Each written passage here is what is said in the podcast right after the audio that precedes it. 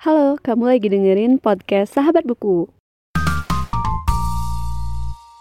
Halo semuanya dan selamat datang kembali di podcast Sahabat Buku. Bagi kamu yang baru pertama kali mendengarkan podcast ini, podcast Sahabat Buku adalah sebuah podcast yang membahas review buku dan pengalamanku saat membaca buku. Ini adalah episode ke-21 dari challenge podcast yang sudah aku buat. Dengan uh, episode ini memiliki tema buku yang bisa dibaca sekali duduk. Jadi, ini adalah buku-buku yang bisa dibaca sekali duduk dan di luar dari list uh, buku yang aku udah sempat bahas yaitu buku-buku buku uh, dengan 100 halaman yang di bawah 100 halaman yang bisa kamu baca. Itu pun anggapannya kan bisa bisa dibaca sekali duduk gitu. Tapi ini uh, judul-judul bukunya berbeda dari list itu. Jadi kalian bisa dengerin aja. Yang pertama ada buku dengan judul Kado Kematian untuk Pacarmu karya Agus Wiratama itu kumpulan cerpen yang udah sempet aku bahas di episode sebelumnya juga. Yang kedua ada Little Prince karya Antoine de Saint-Exupéry. Yang ketiga ada Sketches and Regret karya Irene Evrin yang keempat ada kumpulan cerpen cara-cara di toilet karya Eka Kurniawan. Yang kelima ada kumpulan cerita pendek juga dari Leila Hudori dengan judul Malam Terakhir. Yang keenam ada Hujan Bulan Juni karya Sapardi Djoko Damono. Dan buku ini adalah buku novelnya ya, bukan bukan puisinya karena uh, aku sempat baca yang novelnya juga, jadi aku masukkan ke dalam list ini. Dan yang terakhir ada buku kumpulan cerpen juga dari Gustav Sakai dengan judul Pendar, Pendar Ungu dan Merah Latu. Nah itu dia daftar buku yang bisa kamu baca sekali duduk dan ini di luar dari list yang kemarin. Jadi kamu bisa searching deh buku-bukunya kayak gimana. Dan kalau kamu tertarik kamu bisa beli bukunya dan baca bukunya tentunya. Oke jadi itu aja untuk episode kali ini. Terima kasih telah mendengarkan dan sampai jumpa di episode selanjutnya